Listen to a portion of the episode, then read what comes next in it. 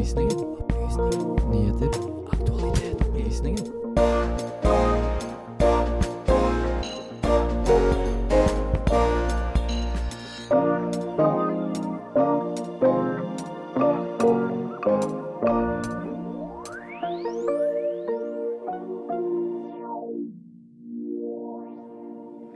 Trump står ovenfor flere rettssaker. Vi forklarer. Du har kanskje hørt om quiet quitting-bevegelsen, men hva med let it rot? Visste du at du kan bli syk dersom du ikke får nok kos? Og hvorfor flyr det så mye veps rundt på sensommeren?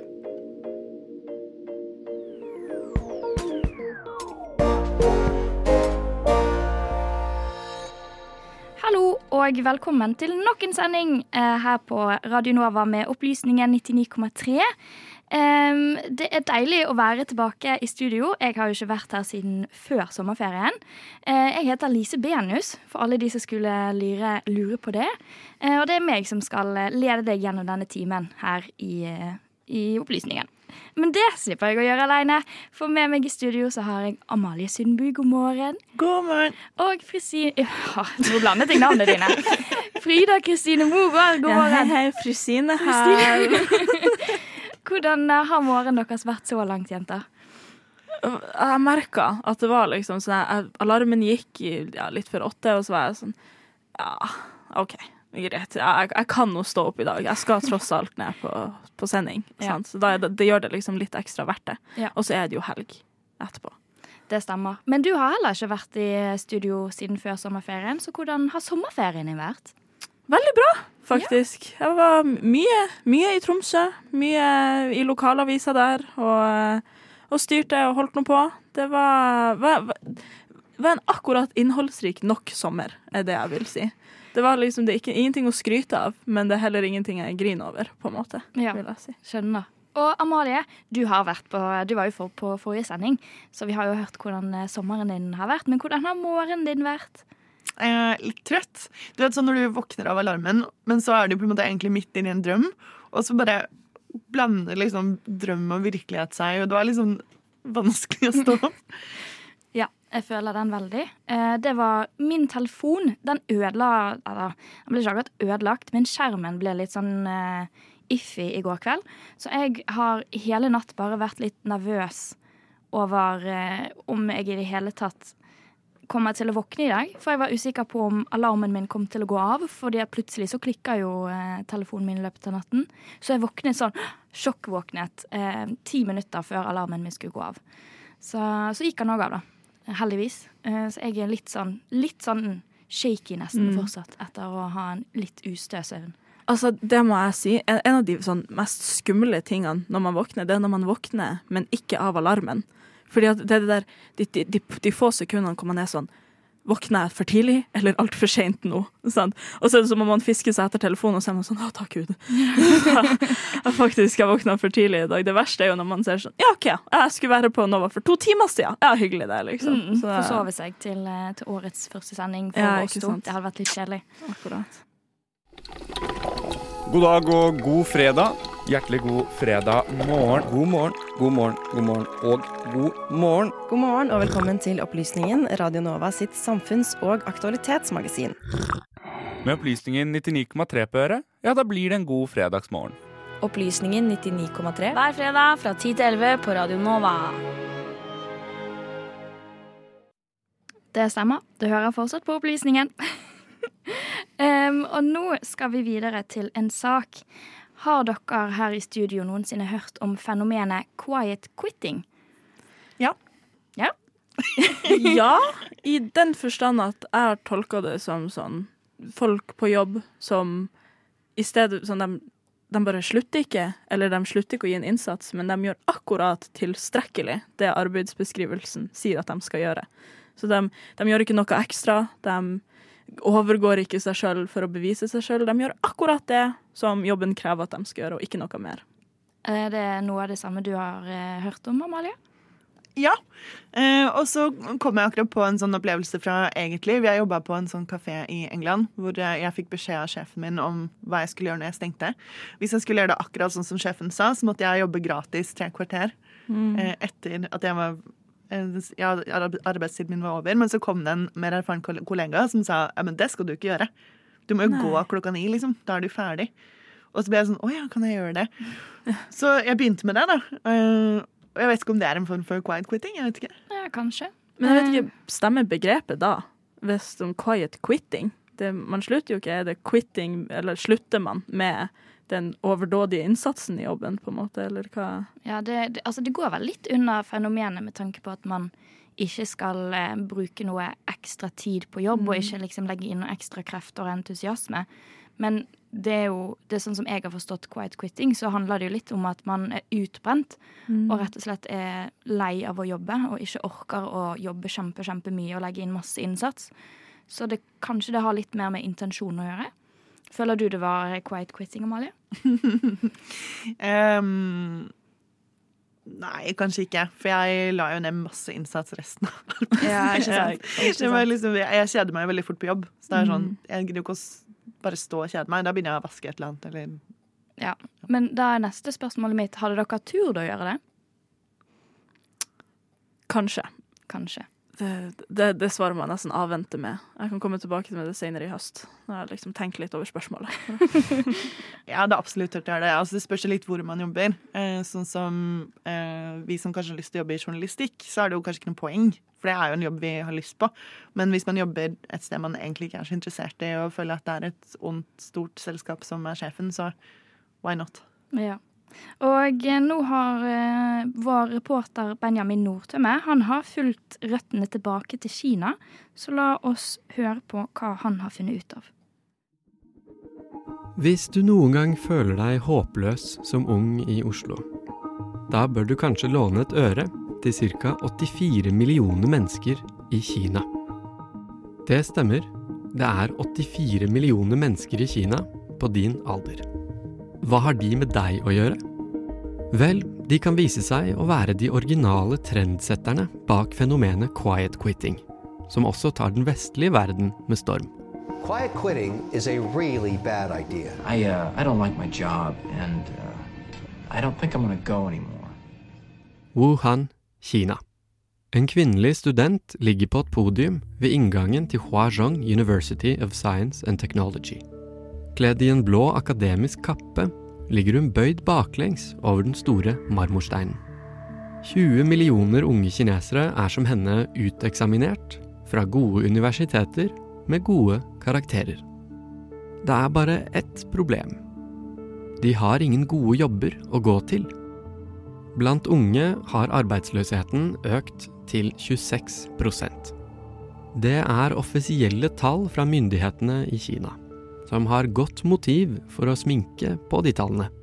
I realiteten er det vanskelig å anslå om problemet egentlig er større. Blant ungdommen i Kina føles tallene i hvert fall ekte.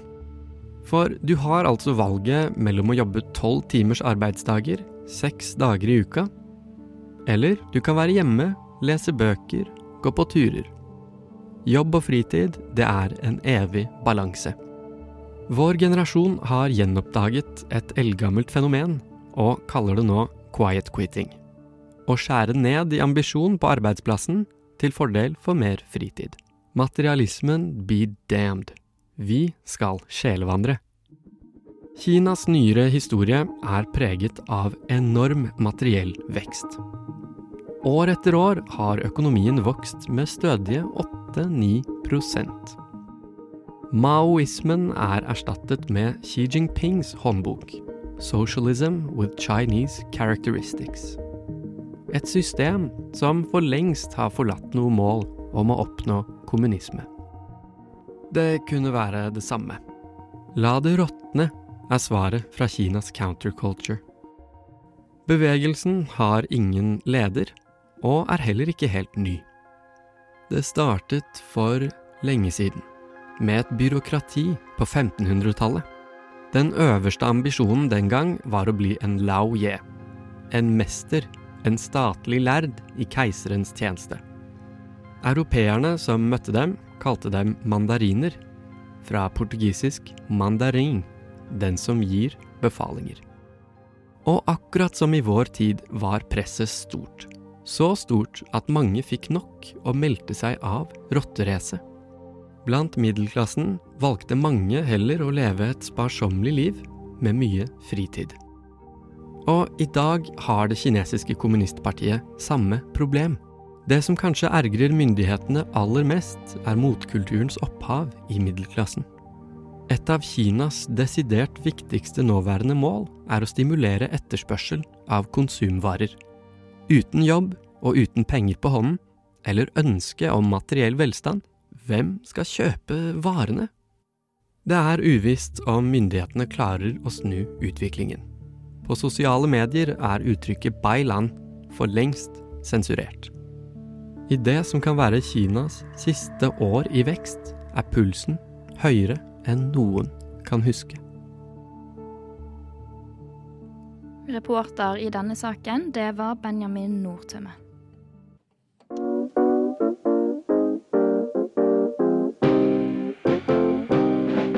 Hører på Radio Novas samfunns- og aktualitetsmagasin Opplysningen. Hver fredag fra klokken 10 til 11 på Radio Nova. Opplysningen på Radio Nova.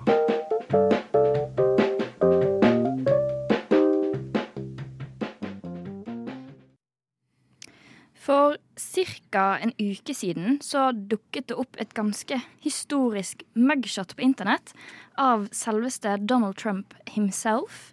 For han har nemlig havnet i litt varmt farvann, kan man si. Han har flere rettssaker stilt mot seg, og tre av disse skal starte allerede våren 2024. Kan jeg bare få høre kort, Hva har dere hørt om disse rettssakene? Litt sånn flytende. Da hopa seg opp, rett og slett. Det var, ballen begynte å rulle, nesten. Og det, det, det er nesten litt sånn tragikomisk å, å høre det sånn Å ja, dette også. Dette også. Det hele starta jo kanskje med, hvis jeg ikke tar helt feil, den um, uh, Eugene Carroll-saken der han faktisk ble, ble andømt. Hvis jeg ikke Nei Nå, Linn, eh, opplysningen som ikke vet jeg, jeg må ærlig innrømme at jeg ikke har hørt om akkurat denne rettssaken, men det er kanskje fordi at jeg har hengt meg opp i måte, de tre viktigste. Ja. Eller de tre største, da, som har Mm. fått mest medieoppmerksomhet. Ja, den Eugene, det er jo det sivile søksmålet. Hvor Ja. det er en forfatter som eh, sier at hun ble voldtatt av Trump på 90-tallet, og så har han etterpå gått og sagt stygge ting om henne. Mm. Så det er en sånn defamation-sak. Ja, ære- æreskrenkelse. Ja, nemlig. Takk for at vi har en oversetter. Ja, men det er fint, fint at vi utfyller hverandre her. Mm. Um, men eh, i hvert fall så har han jo nå flere litt sånn mediebryktede saker. Eh, blant annet en i Georgia, en i Florida og en i New York. Um, og jeg bare lurer på hvilken av disse tenker dere er viktigst og størst, på en måte? Den aller største, og den som kanskje der handlinger førte til mest katastrofale følger, det må jo ha vært eh, den i Georgia. Eh, fordi at den angår eh, 6. januar 2021, og ja, det er valg Prøve å snu om valget og storminga av eh, Capitol. eh, ja.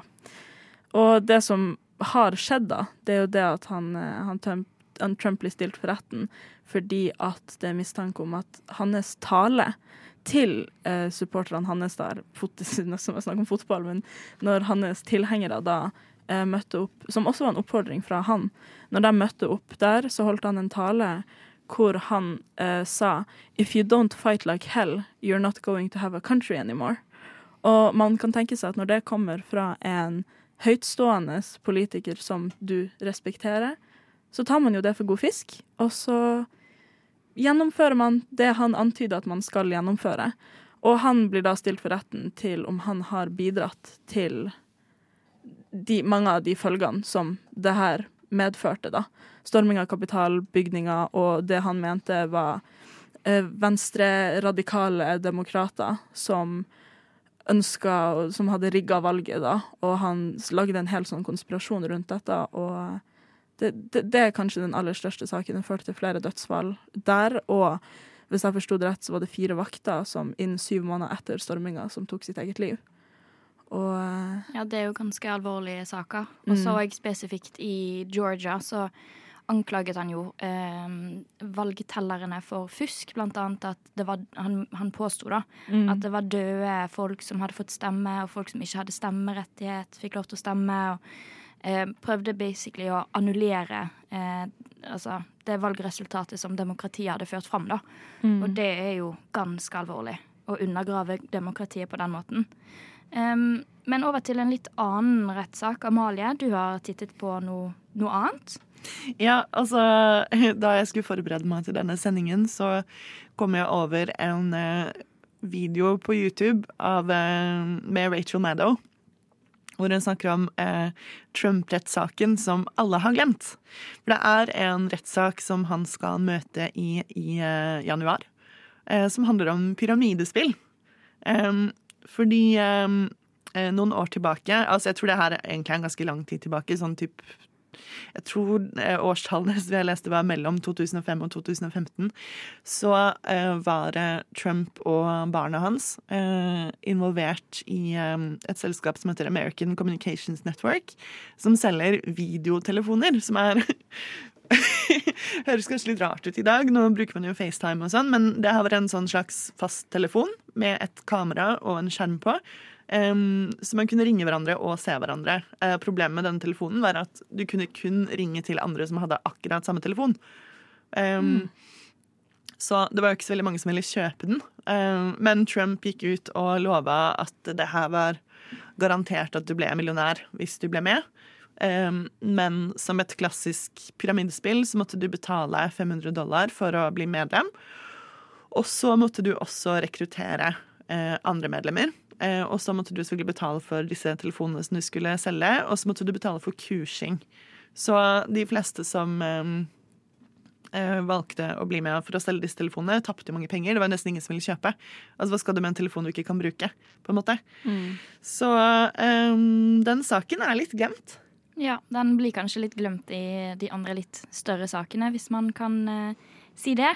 Fordi det er jo som sagt den i Georgia, og så er det i Florida, der eh, er han jo blitt anklaget for å ha hemmeligstemplede dokumenter hjemme hos seg sjøl. Eh, og så er det den siste eh, i New York, da, og, eh, som har med Stormy Daniels å gjøre. Frida, kunne du bare kort lagt ut hva denne går ut på? Ja. Denne saken inngår tre eh, sentrale folk. Det er Stormy Daniels, og det er Trumps tidligere advokat, han Michael Cohen, og selvfølgelig Trump sjøl. Det som da skal ha, angivelig skal ha skjedd, er at før valget i 2016 skal Trump sin advokat, han Cohen, ha betalt hun Stormy Daniels hva det var, 130 000 dollar for å tie om Trump sin involvering og da et forhold med Daniel, som da er en pornostjerne. Eller var en pornostjerne.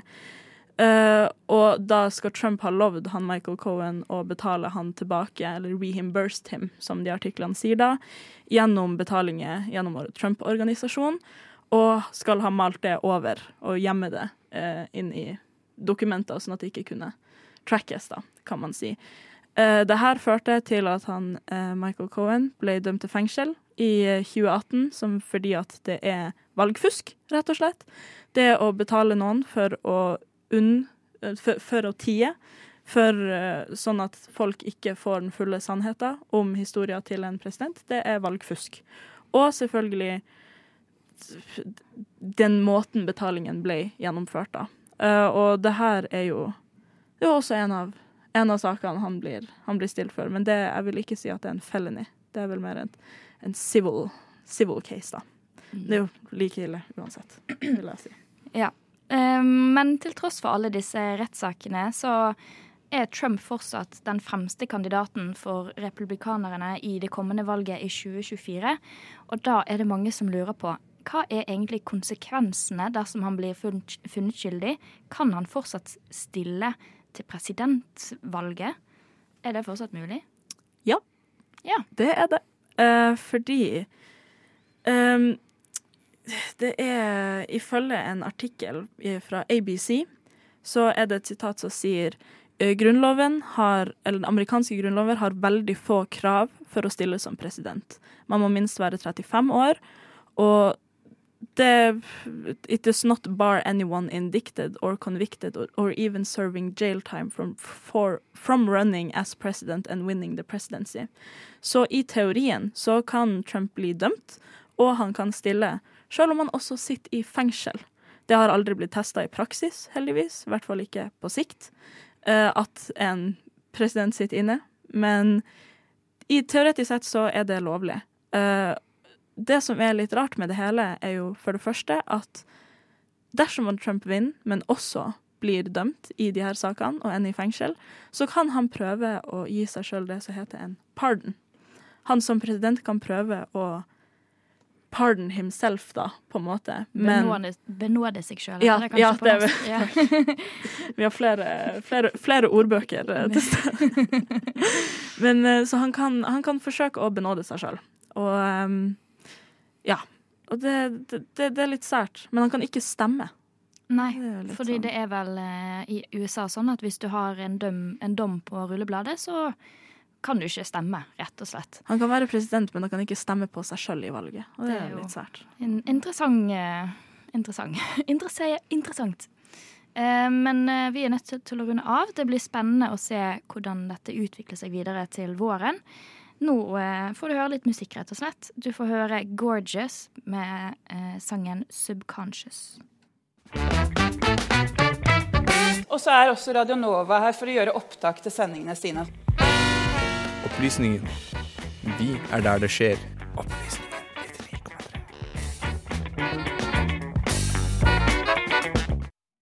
Hører fortsatt på opplysningen. Det stemmer.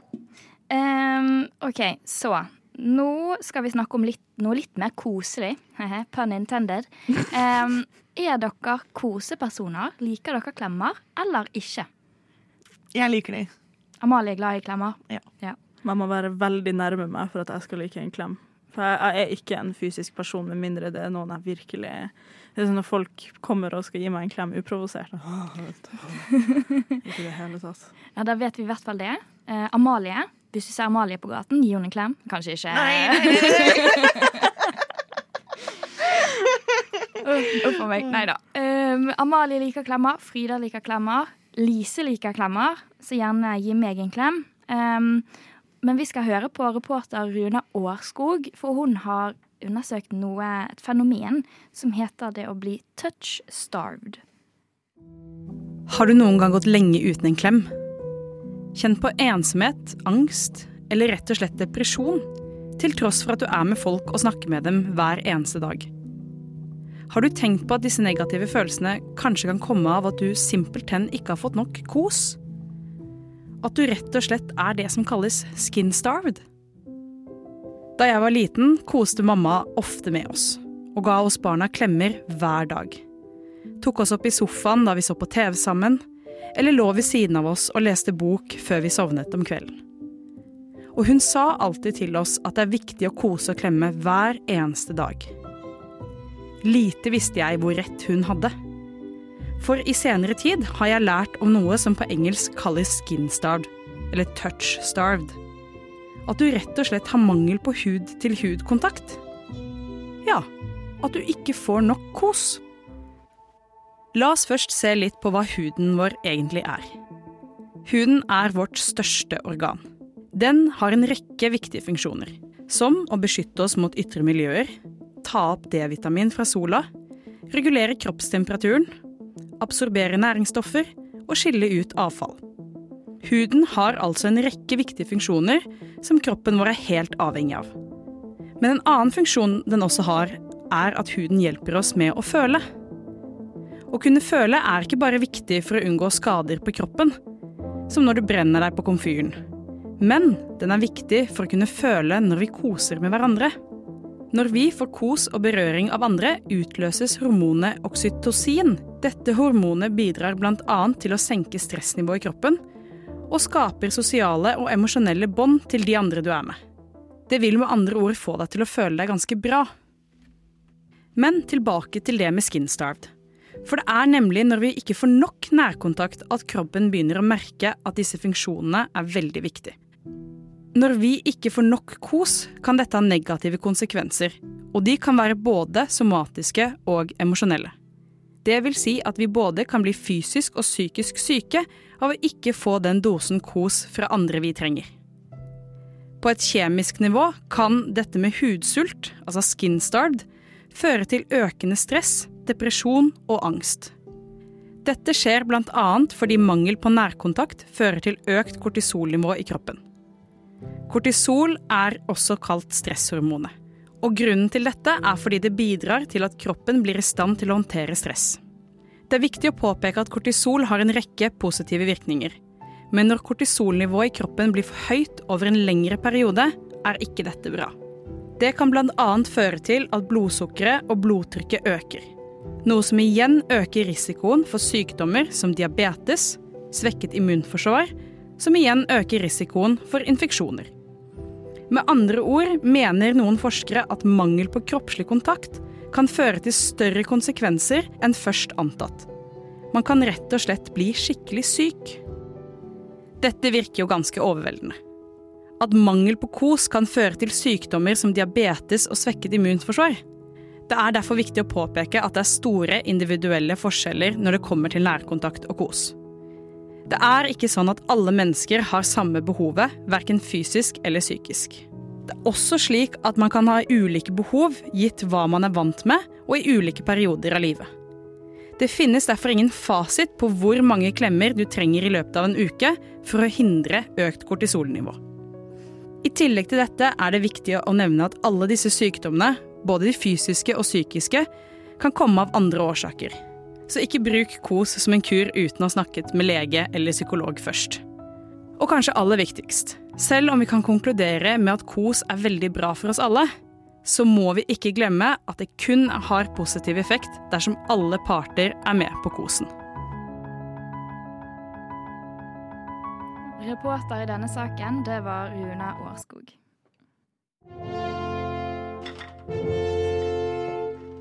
Um, perhaps you would like a marmalade sandwich. I always keep one for emergencies. So do I. I keep mine in here. Opplysningen. Perfekt til syltetøysmørbrødet.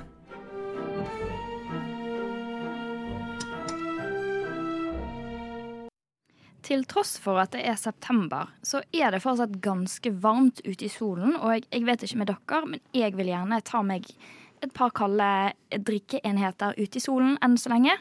Um, men da hender det fort at det kommer noe uh, business rundt hodet mitt, og jeg får litt panikk.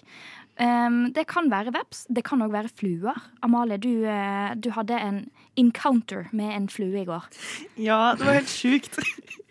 Jeg satt uh, i sofaen og strikka, og så var det sånn flue som Altså, jeg har jo nesten aldri en sånn stor flue hjemme, men den hadde liksom kommet inn, da.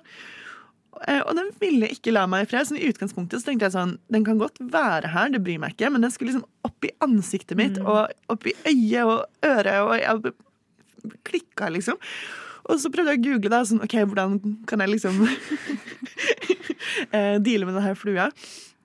Eh, og det første som kom opp, var jo altså, Det var jo tydeligvis mange som hadde googla det. da, For det var sånn irritating fly-greier. Eh, men alt var bare sånn Ja, sett ut en felle og sånn. Så jeg gjorde jo det. Men den var så interessert i meg, så jeg var sånn OK, stinker jeg, liksom? Så jeg gikk og dusja. Eh, og den var fortsatt eh, opptatt av meg. Eh, og så lurte jeg på liksom, er det strikketøyet mitt, for det lukta veldig sau. Er det det? Men liksom Den bare var så irritert. Så jeg er veldig spent på når jeg kommer hjem nå, om liksom den har gått i fella. Jeg tror ikke det. Den har bare lyst på deg. Mm. Det var Da er det i hvert fall noen. Det i hvert fall noen. Nei, men fordi at det er sånn, i hvert fall føler jeg det er sånn, at om sommeren, sensommeren spesifikt, så er det utrolig mange veps og fluer ute og går. Nå har jeg sett nærmere på hvorfor det er masse veps ute på sensommeren, og hvorfor de kan være litt aggressive. Det begynner å bli kaldt ute. Sommeren er på hell. For de av oss som fortsatt har lyst til å nyte den siste sommersolen med noe kaldt i hånden, betyr det bare én ting veps. Veps har et ganske dårlig rykte. Når den blir gruppert sammen med bier og humler, er det ofte den som blir sett på som verstingen. Flere ganger har jeg hørt mennesker rundt meg stille spørsmål om hvorfor den i det hele tatt eksisterer. hva godt kan den gjøre oss? Vel, for det første er det viktig å huske på at dyr eksisterer ikke kun for å være til nytte for oss mennesker. Veps er en del av naturen og næringskjeder på likt nivå som alle andre dyr, insekter, fugler og fisker der ute. Så selv om vi kanskje ikke får honning fra vepsen, har den en viktig rolle å spille uansett. Det er faktisk vepsen vi kan takke for at vi i det hele tatt har bier, og dermed honning. For ca. 100 millioner år siden brøt en gren seg av vepsefamilien. De sluttet å jakte på insekter, og fokuserte istedenfor på å samle pollen og nektar fra blomster. Det førte til slutt til bien. Men bien og humlen er ikke alene i å pollinere forskjellige blomster. Totalt sett hjelper vepsen med å pollinere 960 plantearter. Av disse er det 164 som er helt avhengige av vepsen. Vepsen er i tillegg mer robust enn villbier, og takler menneskeskapte endringer i naturen mye bedre. Derfor er det òg mange som påpeker at veps kan bli viktige backup-pollinatorer om det verst tenkelig skulle skje og bien blir utryddet. I tillegg skriver WWF Norge at det på 1800-tallet var en lokal utryddelse av veps som førte til enorme mengder av fluer. Og fluer stikker kanskje ikke, men de er en del mer innpåsliten enn det vepsen er. Vepsen har en sentral rolle som rovdyr for fluer, men òg for andre plagsomme insekter. På internett har du kanskje sett videoer av flere centimeter store veps, som kalles japansk kjempeveps. Selv om de er mindre aggressive enn den lille norske vepsen, ser de ekstremt skumle ut. De kan bli opp mot hele fem centimeter store. Siden de er større, kan de òg gi deg en større dose av giften, som vil si at stikket du får av disse kjempevepsene, det er verre. De jakter i tillegg på honningbien og kan utrydde en bikube på få timer. WWF Norge sier at det er viktig å huske på at de små, summende vepsene vi allerede finner i norsk natur, er den beste forsvarslinjen vi har mot de invaderende asiatiske kjempevepsene. Vepsene er altså viktig i det norske kretsløpet. Men hvorfor er de så utrolig plagsomme mot slutten av sommeren? Det hele har med livsmønsteret til vepsen å gjøre. Dronningvepsen våkner etter overvintringen i april. Og da begynner hun etableringen av et nytt vepsebol. I løpet av sommeren produserer dronningen omtrent 12 000 arbeidere som jobber med å mate larver, sanke mat og bygge videre på bolet. Hver arbeider lever i to til tre uker. I august bor det over 2000 voksne veps i et vanlig vepsebol. Men mot sensommeren slutter dronningen å produsere egg, og gjør seg klar for en ny vinterdvale sammen med en liten klynge egg. I disse eggene ligger det uklekkede dronningveps og hannveps, som i april klekkes for å starte hele sirkelen på ny. Men uten larvene har de resterende arbeidsvepsen ikke lenger et sted å bo og ingen arbeidsoppgaver. Det er nå vepsen begynner å fly litt meningsløst rundt. Ved sensommeren er det òg færre blomster som kan gi næring. Så i jakt på søtsaker som kan mette de, flyr de til områder hvor de vet det er masse godt å hente. Nemlig boligområder. Om en veps føler seg truet, kan de bli aggressive. Så dersom du prøver å slå de bort fra isen din, kan de ta det personlig og stikke deg. Og om du skulle finne på å drepe en, så vil den sende ut et stresshormon som kan gjøre andre veps i området enda mer aggressive. Så om du ser en veps som flyr rundt deg, er det best å følge det gode rådet om å holde seg i ro helt til den er flydd bort. Da får du heller trøste deg med at snart er det så kaldt at de ikke kan overleve natten, og da er det hele syv måneder før vi ser de igjen. Reporter i denne saken, det var meg, Lise Benus. Nå får du høre litt musikk. Du får Filthy Burger Girl med Break My Heart. What did I think when Maduro took power? Well, he's a clown. Finne et litt mer, litt mer nyansert språk der. Jeg tror vi bare skal forstå det sånn at dette dreier seg om teknologi. Du hører på Radio Novas samfunns- og aktualitetsmagasin Opplysningen. Hver fredag fra 10 til 11 på Radio Nova.